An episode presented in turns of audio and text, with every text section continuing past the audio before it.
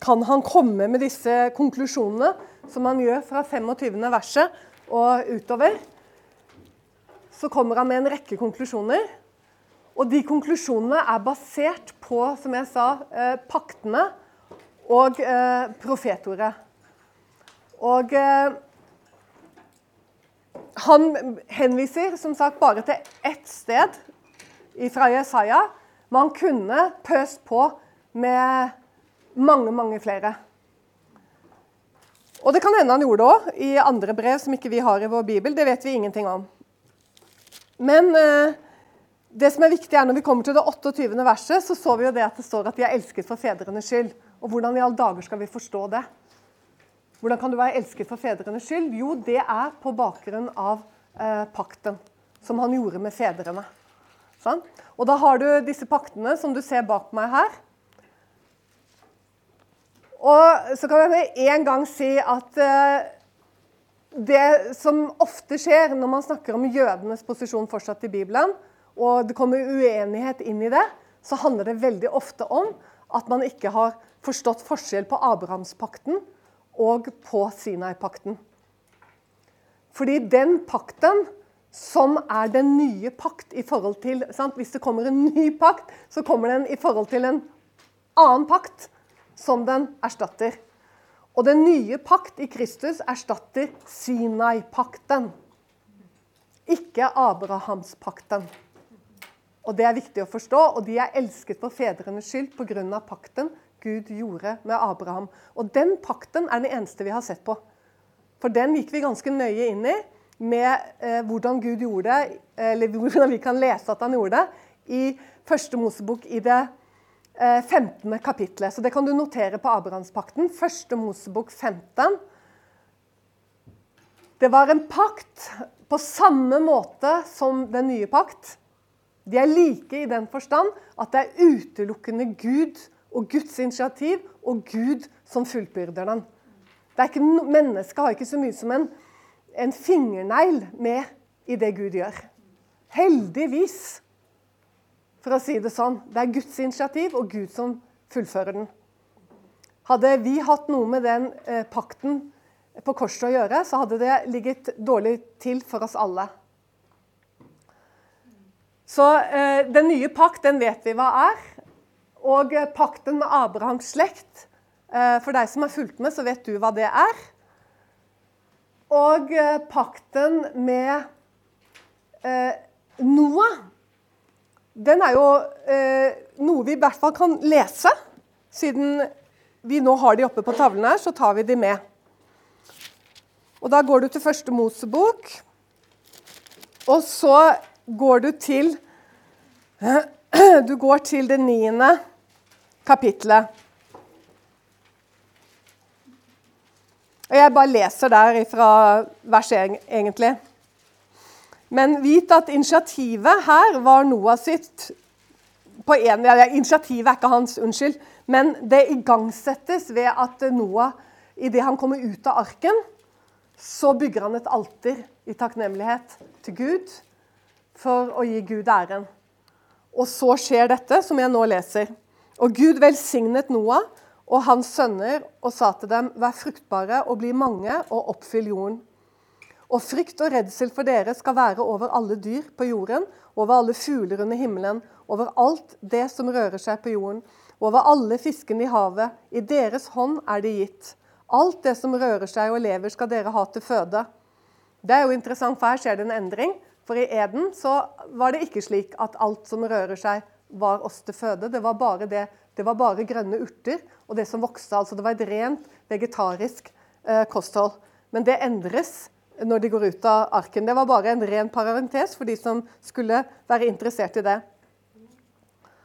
Alt det som rører seg og lever, skal dere ha til føde, liksom jeg ga dere de grønne urter. Ja, her kommer det. Gir jeg dere alt dette. Men kjøtt, kjøtt med dets sjel i, det er dets blod. Altså sjelen er i blodet. Det lærer Bibelen oss. Sjelen er i blodet.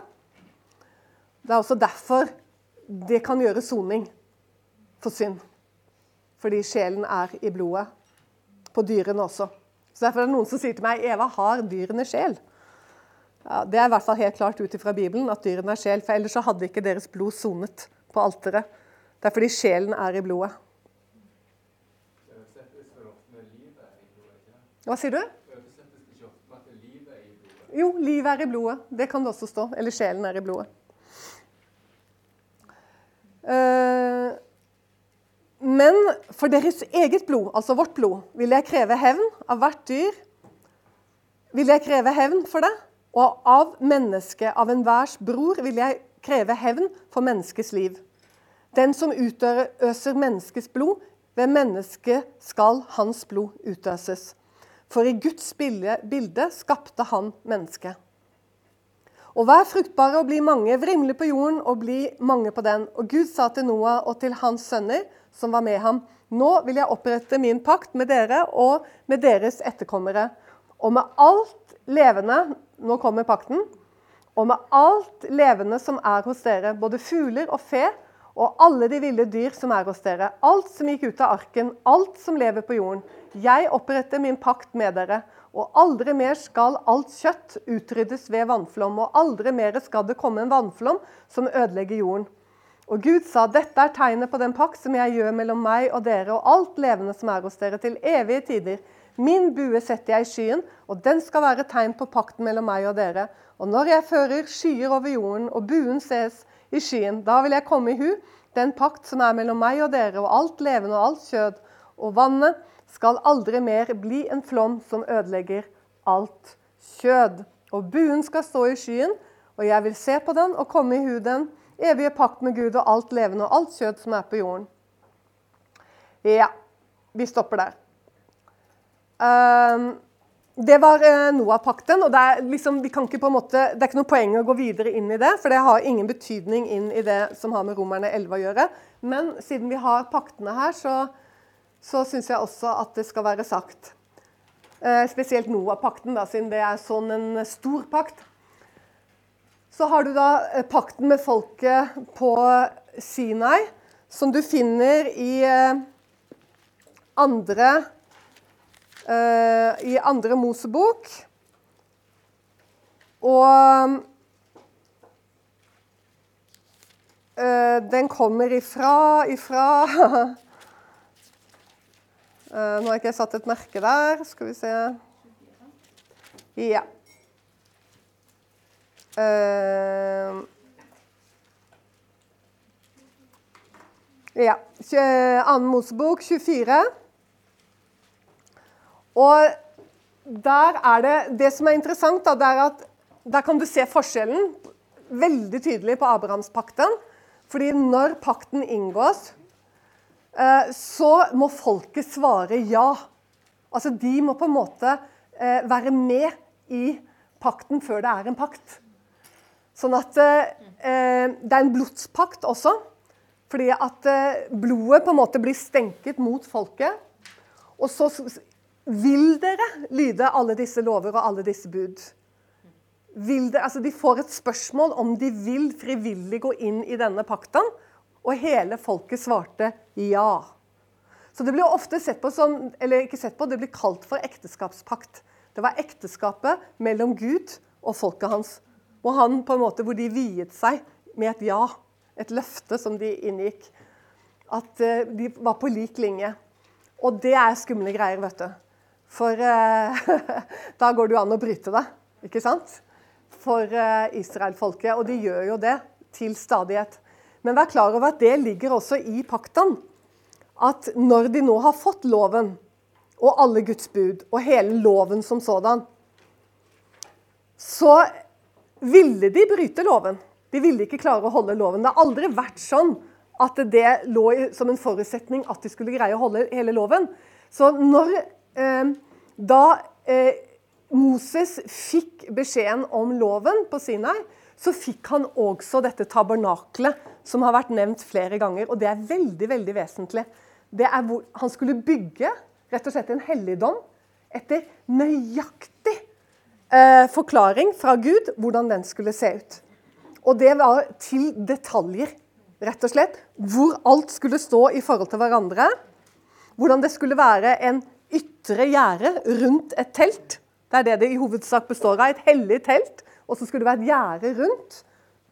Og utenfor teltet og mellom gjerdet så var det eh, ofringsstedet og stedet for renselse. Inni selve teltet da er du inne i først det hellige, og så inn i det aller helligste. Masse å si om det. Har ikke tenkt til å gjøre det. Men det eneste du trenger å vite nå, det er at dette måtte Gud gi folket når han hadde gitt dem loven. Hvorfor det?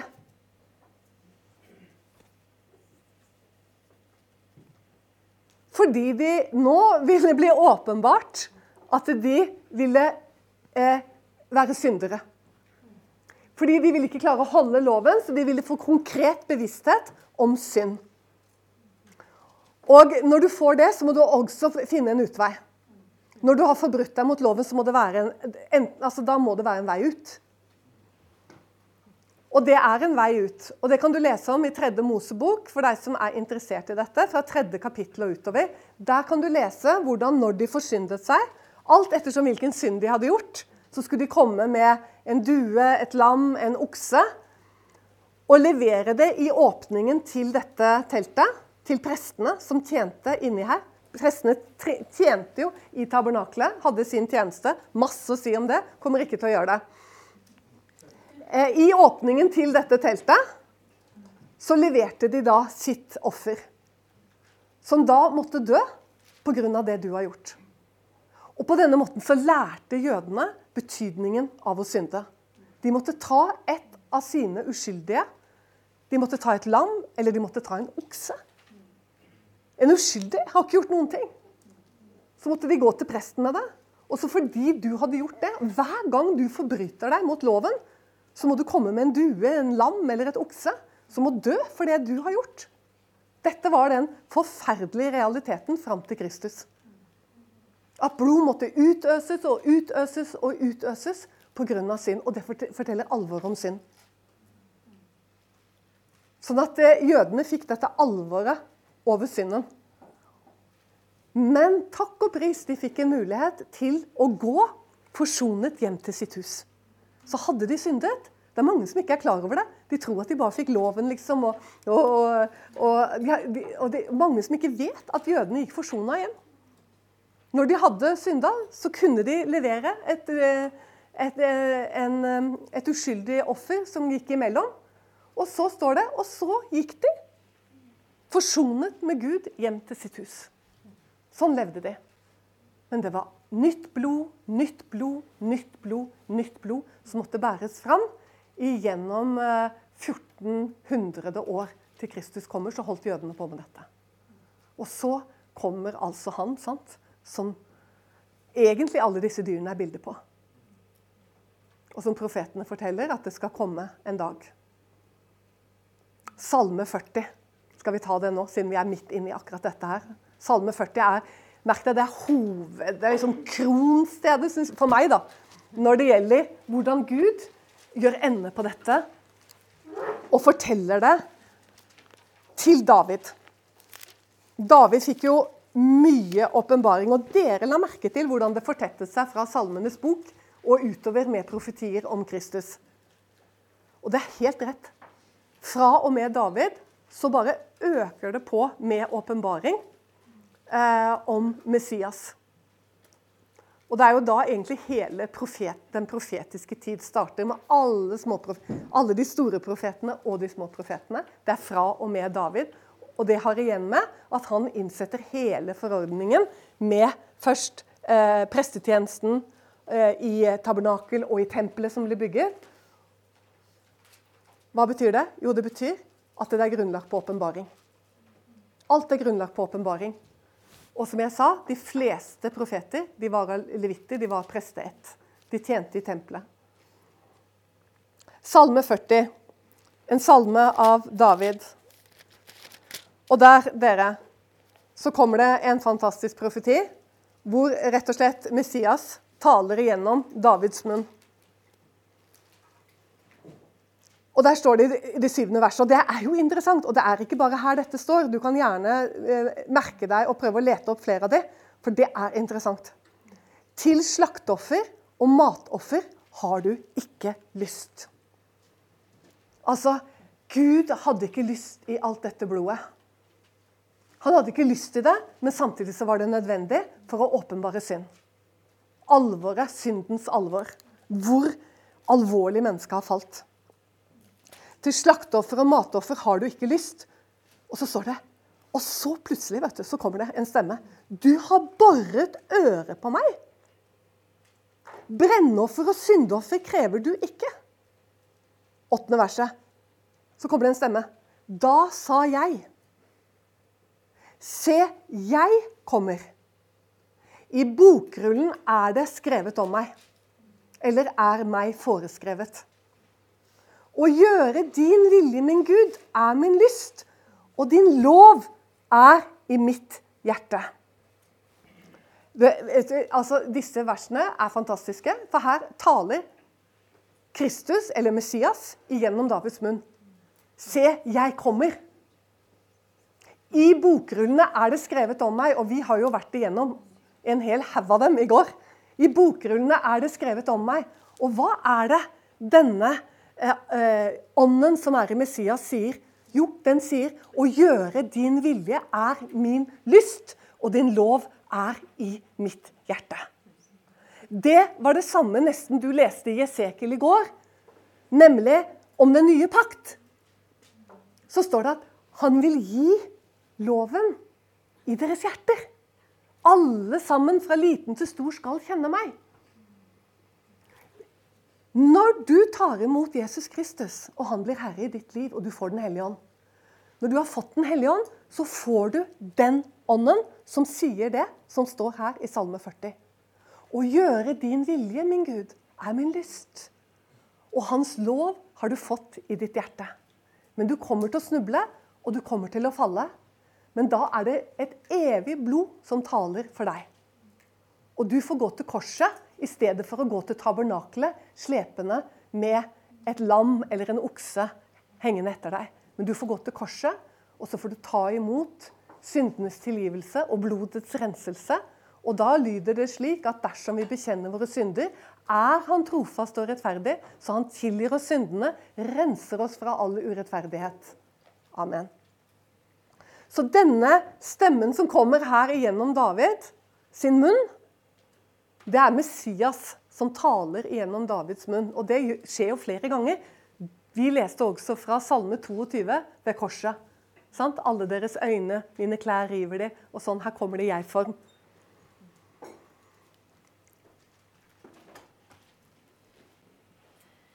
Slik at eh, det, Her har du den nye pakt, nemlig at vi får den viljen som er Kristi vilje. Ved Den hellige ånd får vi den, nemlig å gjøre din vilje. Min Gud er min lyst, og din lov er i mitt hjerte. Og det skjer når du blir frelst, for da får du Den hellige ånd. Og eh, så kan du si ja, ja, men jeg syns ikke at jeg Jeg har det ikke sånn, jeg. Nei, da håper jeg kanskje du ikke er frelst. Du må ikke se bort fra det.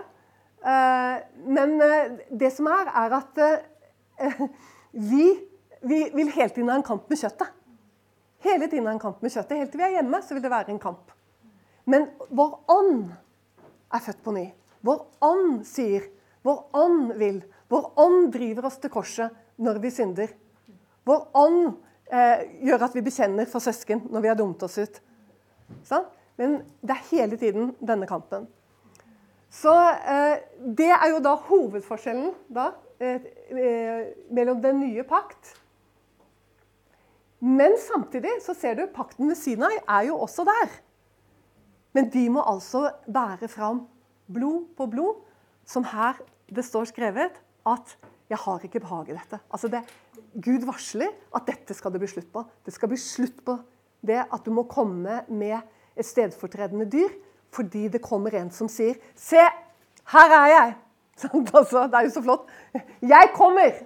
Sant? Jeg har ikke behag i dette.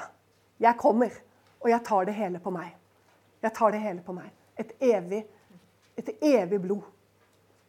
Så ingen lenger uskyldig skal drepes for din synd. Men én har gjort det en gang for alle. Så Salme 47 hva som kan ligge i én salme, eh, i et par vers allerede i Det gamle testamentet, 1000 år før han kom. Det er veldig spennende. Så igjen, altså Den nye pakt, den erstatter pakten på Sinai. Forsto dere det? Noen som ikke forsto det? Ja. Sånn at Det står jo en pakt igjen, og det er jo nettopp den som kalles for pakten med fedrene. Og det er Abrahamspakten. Og Den leste vi i kapittel 15. Og det var pakten om folket. At det er hans folk. Og så var det pakten om landet. Tenk på det! Landet. Det er Guds land, men han har gitt det til et folk. Så det ligger i det, om vi liker det eller ei. Og så blir spørsmålet da etterlingen, da. Hvem er det pakten følger? Hvordan følger pakten etter Abraham? Og da følger den en slekt. Den følger nemlig slekten til Abraham, Isak og Jakob. Og det er derfor det heter, det derfor det heter i Romerne 11 at de er elsket for fedrenes skyld. Hvorfor, for, hvorfor ikke for farens skyld, altså Abraham som, som, landsfaderen, på en måte? Nei, fordi pakten følger, og det er viktig Pakten følger Abraham, Isak og Jakob. Hvem er Isak? Han er sønnen til Abraham. Men Abraham fikk jo også en til som er veldig vesentlig. Nå vet jeg dere får spørsmål, dere får bare spørre. Og det er Esau. Dette er superviktige ting. Ja, ja, ja, uh, unnskyld. Ismail. Ismail, som ble født etter kjøttet. For de, var, de hadde fått et løfte, Sara og Abraham, veldig kort nå. Sara og Abraham hadde fått et løfte om en sønn av Gud. Og så ordna de det selv, fordi masse tanker, ikke sant? Greier å ordne opp i dette selv, for det er umulig. Jeg, det er lenge siden min livmor tørket inn. Og det var jo Saras idé også. ikke sant? Hun, var, hun, klarte ikke å tro, rett og slett. Så hun sier Abraham, ta min eh, tjenestejente og få et barn med henne. Og det er Ismail. Og så kommer jo Isak likevel. For det er Gud, han får sin vei. Og pakten skal følge Ismail. For Gud gjør en annen avtale med Ismail. Med Ismail. Så Gud elsker Ismail. Så han gjør en annen avtale med Ismail. Ismail han sier at du skal få tolv sønner, du òg, din slekt. Og dere skal få stort land. Og, og, dere skal bli til et kjempefolk. Og så står det jo dette morsomme også, at din hånd skal være mot alle, og alles hånd skal være mot deg. Altså Dette er det arabiske folk. Så de fikk jo også løfter. Men de tilhører ikke eh, paktsetten. Og det er ikke fordi de er mindre verd, men det er fordi Gud skal bruke et folk. Og jeg holdt på å si 'fytti rakkeren'. Ja, for det å være brukt til det oppdraget, det har kostet blod. Det har kostet dyrt. Så de skulle egentlig være glad til. Men det følger Isak, og så følger det Jakob. Og det er viktig at du har med Jakob på. For ellers så kunne plutselig Esau også være en del av det. Ja, Men Esau er jo også et barn av Abraham. sant? Nei, nå er, vi, nå er vi videre. Nå er vi, skjønner du? Nå er vi kommet til Jakob. Vi har kommet til Isaks barn. For Isak han fikk jo, eh, han fikk jo Esau, og han fikk Jakob. Og det skal ikke følge Esau. Og det er riktig, dere. Esau ble også en del av araberne. For det var Esau som blandet seg sammen med Ismail sin slekt, og det ble til det arabiske folk. Sånn at eh, det følger Abraham, Isak og Jakob, og derfor er det løftet. De er elsket for fedrenes skyld, fordi pakten fulgte de tre. Og får vi tid til det i morgen, så skal jeg vise deg det i Skriften tydelig, sånn at du har det. For dette er litt viktig å vite, for det er så mye sånne rare ting som foregår. Det er jo faktisk en fredspakt som nå Hvor mange år siden er det? Den het Abraham, Barna til Abraham eller noe sånt. Altså sånn politisk, altså. Hvor man da forsvarte, ikke sant? fordi de var alle Abrahams barn. Derfor tilhører landet alle Abrahams barn. Nei, gjør ikke det. Det er ikke Bibelen. Bibelen sier at det tilhører Abraham, Isak og Jakob. For Ismael, og da også delvis Esau, men fortrinnsvis Ismael, fikk sitt eget land. Og dette området er Seirfjellene og Edom-landet. Eh, Disse områdene. Sånn at de har også fått land. Det er det som er viktig. De har også land som er lovet dem. Og jødene har land som er lovet dem. Det er det Bibelen viser oss. Og det kan ikke være opphørt. For da er Abrahamspakten gone. Og Paulus sier at en pakt som kom 400 år pluss tidligere, kan ikke bli satt ut av en pakt som kommer så mange Altså, unnskyld. En pakt som kommer over 400 år etterpå, kan ikke sette ut en pakt som kom tidligere. Paulus sier det selv. Så det rører ikke ved Abrahamspakten. Og Abrahamspakten er grunnen til at Paulus skriver det han skriver i det 28. verset, nemlig 'De er elsket for fedrenes skyld'. Nå skal jeg fortelle en liten historie. For vi må ha litt historier òg. Vi kan ikke bare ha Bibel. Eh, jeg var litt sånn anti Jeg kan ikke si anti, går det an å si det? Kanskje litt. Eh, sånne som var litt sånn Israel-venner da, i menighetene. Eh, fordi jeg syntes de var litt slitsomme. Eh, det var liksom de første årene jeg var troende. da. Jeg ble troende i 1990, og dette her var vel i 95, tipper jeg, at det skjedde. Og jeg leste veldig mye i Bibelen, faktisk. Men jeg klarte ikke å se dette her med Israel og jødene. Og så var jeg i en uh, bibelgruppe, og der var det en kvinne som hadde skikkelig på plass dette her. Liksom. Jeg tror kanskje jeg overdriver litt sånn i ettertid, for det gjør man jo ofte. Eh, men jeg syns på en måte at hun liksom Når vi skulle begynne å be da, på slutten av gruppen, så var det sånn Nå må vi be for jødene. Og så liksom Og så var det alltid jødene. Eller Israel. Og nå må vi huske Israel også. Sånn? Og hvis det var noen som ville be for England, noen ville be for Kongo ikke sant? Så var det liksom hun Og du visste det. Det var, som å, det var liksom som å skru klokken etter henne. Det kom alltid. Og så må vi huske Israel. ikke sant? Og jeg som bare Å, må vi huske Israel nå igjen, liksom? Og så var det en gang jeg ble litt irritert, liksom, for da tok hun litt ekstra i. Og da hadde det sikkert skjedd et eller annet i Israel. Noe sånt. Jeg tror kanskje jeg minnes at det var en eller annen sånn terroraksjon. eller noe sånt. Så liksom, vi må be for Guds folk, sa hun. sant? Og det var sikkert det at hun sa Guds folk. For da ble det litt avslørt, den ånden som var i meg. Og jeg liksom bare Det var det var rett og slett noe som for litt i meg, og jeg kan ikke påstå at det var Den hellige ånd. Så jeg slo litt i bordet. Sånn. Så sa jeg navnet hennes Solveig. Nå må du slutte! Det var skikkelig, altså. Tok i. Må du slutte å kalle jøder som ikke er frelst, for Guds folk. Det er feil! Og du, vet hva? Det ble så ubehagelig. Fordi eh, du vet åssen veldig ofte så er jo kristne veldig engstelige for, altså for å gå i konfrontasjon. Eh, ofte litt for dumt, egentlig, særlig når det har med lærere å gjøre. Så bør vi egentlig være litt mer tydelige, rett og slett. Ikke være så innmari sånn. Men det var ingen der som gikk i rette med meg. Og kanskje var det bra, for jeg var sikkert litt hissig. Så det hadde sikkert ikke kommet noe godt ut av det. I, så i stedet så satt de litt sånn som kristne ofte gjør. da. Så jeg hørte nesten. vet du, sånn Jesus Skjønner du sånn? sånn der. Det er sånn, sånn Du hadde bannet i kirken, det var helt tydelig. Og, men kanskje kunne ikke de helt forsvare det heller. Skjønner du? Hvorfor jeg ikke hadde rett i det. At jøder som ikke er frelst, ikke er Guds folk. Det er ikke sikkert de hadde, helt, hadde det klart for seg. Hvordan skulle de argumentere for det? Sant? Så, så det var sikkert bra at det ble som det ble. Men det var veldig ubehagelig når vi gikk fra hverandre. Fordi vi hadde ikke sunget oss inn eller skjønner du, kobla oss på. eller noen ting. For klokka var bare over, og det er ut, og alle skulle gå hver til sitt. Og det var faktisk litt ubehagelig. Særlig for meg. Sant? Det er alltid eklest når du har vært den som har liksom, tråkket i salaten. liksom. Og så skulle jeg på nattevakt, for jeg jobbet en del sånn eh, faktisk jeg jobbet sånn ekstrahjelp på sykehjem og sykehus fra jeg var 17 år gammel, fordi moren min var sånn uh, oversøster på Bærum sykehus. Så jeg ble satt inn som sånn uh, pleiemedhjelper når jeg var 16 år liksom, på Bærum sykehus.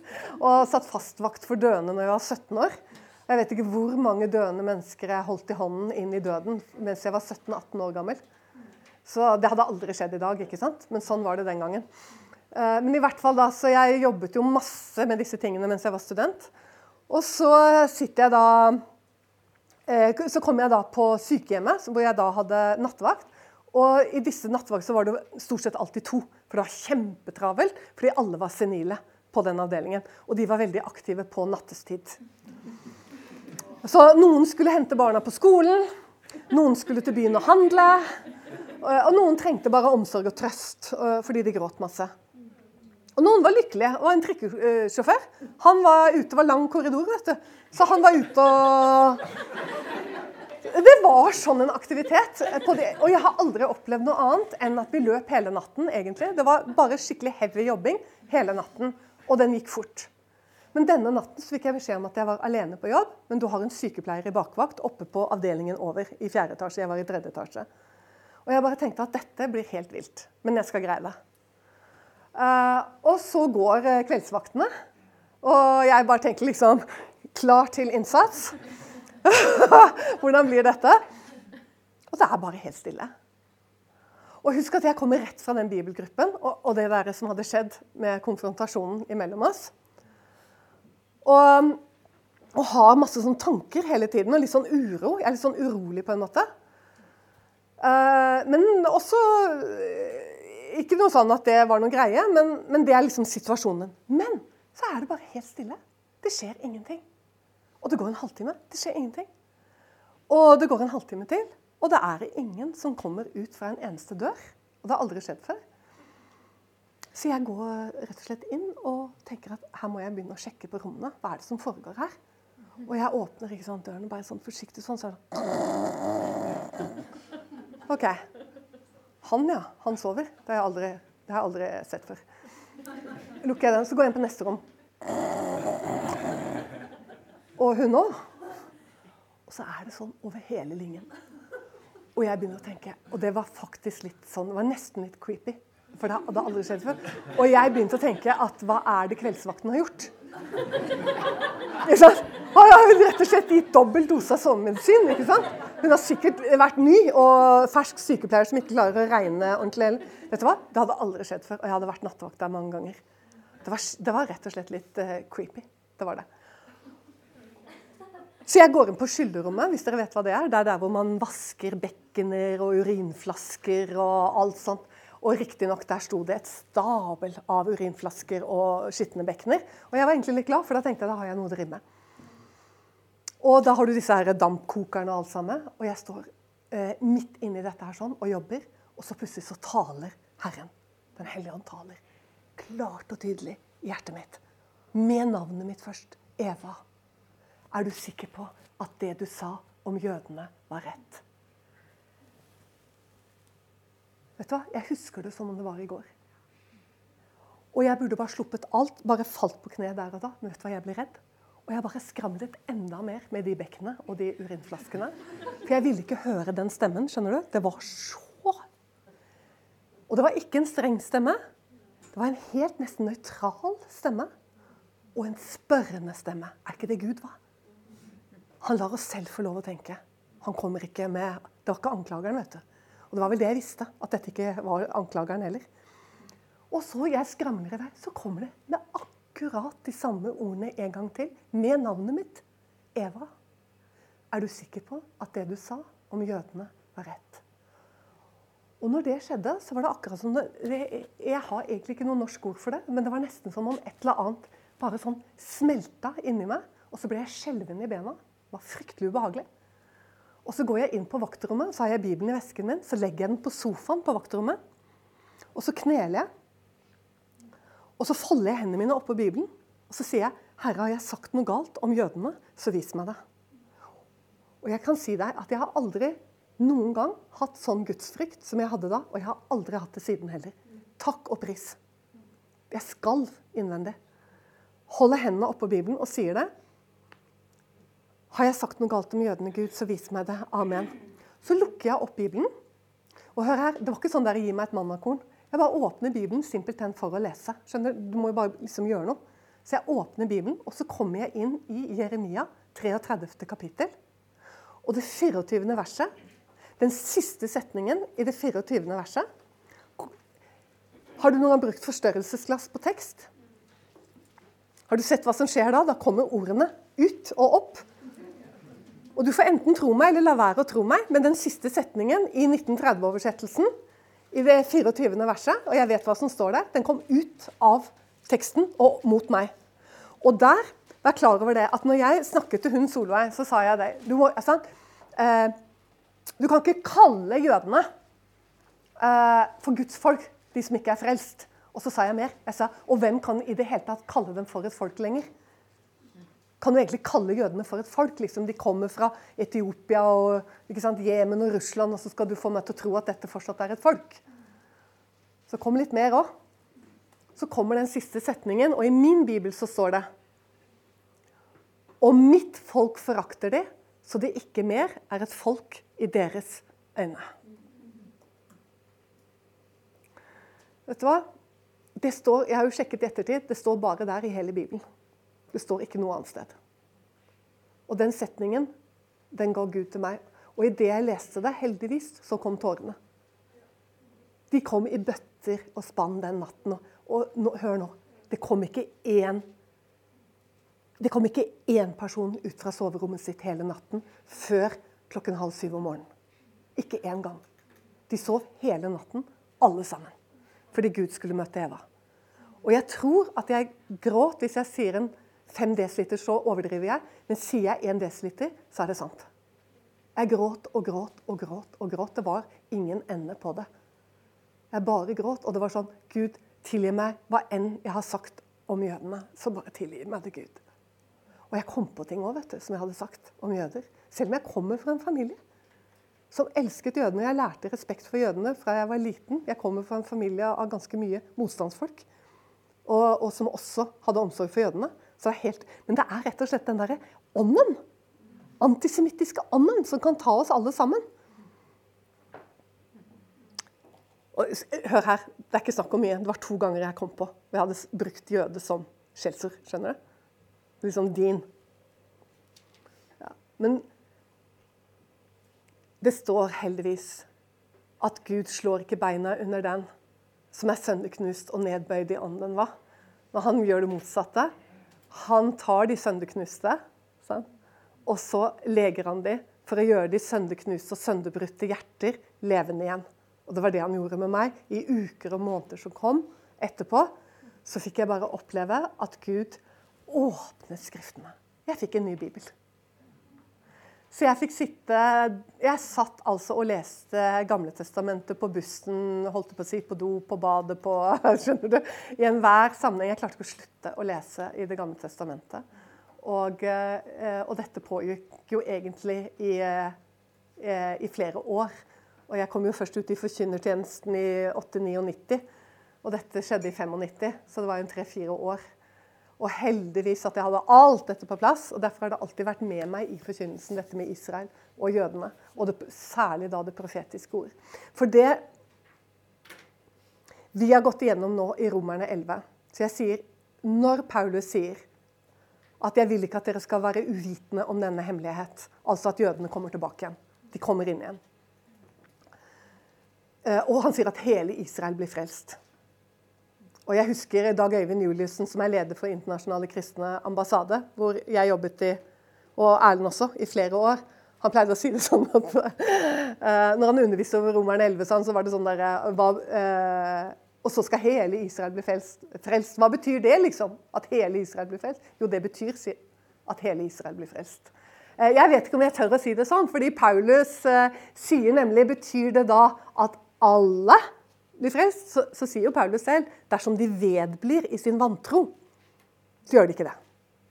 Men det det forteller om, er at Paulus drar inn her bare ett profetord som gir et løfte om at folket hans skal oppleve en massiv innhøstning. Og de kommer inn på en gang. Det er jo det som er det store mirakelet her, er at også profetene viser at det kommer en dag hvor det står 'Jeg kommer selv og frelser dere'. Og Det ser ut som fra flere profeter, både Joel og Jesaja, at det skjer i forbindelse med en voldsom krig. Hvor de blir trengt opp i hjørnet, hvor det ikke er noen utganger lenger. Og det israelske militæret skal ikke hjelpe dem. Eh, å være store og sterke med våpen kommer ikke til å hjelpe dem. De er, de er trengt opp i hjørnet. Det er ingen utgang. Og de roper på han, og han kommer selv og frelser dem. Og Der har du Jesaja 63, som ikke dere var en som sa det forsto jeg ingenting av. Jesaja 63. Eh, Jesaja 63 leser jeg inn der, nemlig når han kommer og ikke bare hevner synden, men han skal også hevne eh, det han ikke har hevnet. Merk dere siste verset hos profeten Joel. Profeten Joel, folkens. Veldig viktig. Siste verset, eh, Egentlig siste kapittelet, for der står det om alle nasjonene som kommer til å gå imot Israel. Alle nasjoner kommer til å vende seg mot dem i en voldsom krig. Og da slutter profeten med å si 'og jeg skal hevne dem', altså jødene. Han skal hevne de som han ennå ikke har hevnet. Altså Han har ikke hevnet jødene ennå. Og jeg tenker med gru, og det kommer dere til å få vite mer om etter pausen, når jeg viser dere litt om antisemittismens historie fra kirkelig hold. Da skjønner du på en måte at her er det litt å hevne. Tenk at Gud skal hevne dem. Og han skal ta det står en tre-fire profetier, de fleste i Jesaja. Så står det at han skal ta også Sefania, mener jeg, men jeg skal sjekke det for dere, at han skal ta vanæren til jødene bort fra hele jorden. At der hvor de har vært så vanæret. Og den skal han ta bort fra hele jorden. Vanæren til jødene. Så eh, egentlig så ser vi et folk som har fungert som prester for Gud. Eh, når de tok livet av eh, Messias. Så fikk de fungere som prester for Gud fordi han måtte dø. Skal ikke Skriftene oppfylles, sa Jesus. Og det behaget Gud å knuse ham. Husk at på korset så var det Guds vrede som rammet Jesus. Det var ikke et eh, justismord som rammet Jesus. Det verste for Jesus var ikke naglene. Det verste for Jesus var å bli gjort til synd. Og Guds vrede tok han for deg og meg. Og for oss er det helt avgjørende fordi han sonet. Han utsonet straffen. Det er ikke sånn at liksom OK, da, så får det gå, liksom. Sånn, det får gå, de syndene du har gjort. Det får gå, da. Det er ikke sånn. Han har sonet dine synder. Altså, Han har betalt prisen. Han har sonet det ferdig. Og derfor så ble han Det er i det perspektivet at han ble rammet av Guds vrede. Fordi det blir et oppgjør for synden en gang for alle. Stå med oss økonomisk og i bønn. Du finner oss på utentvil.com.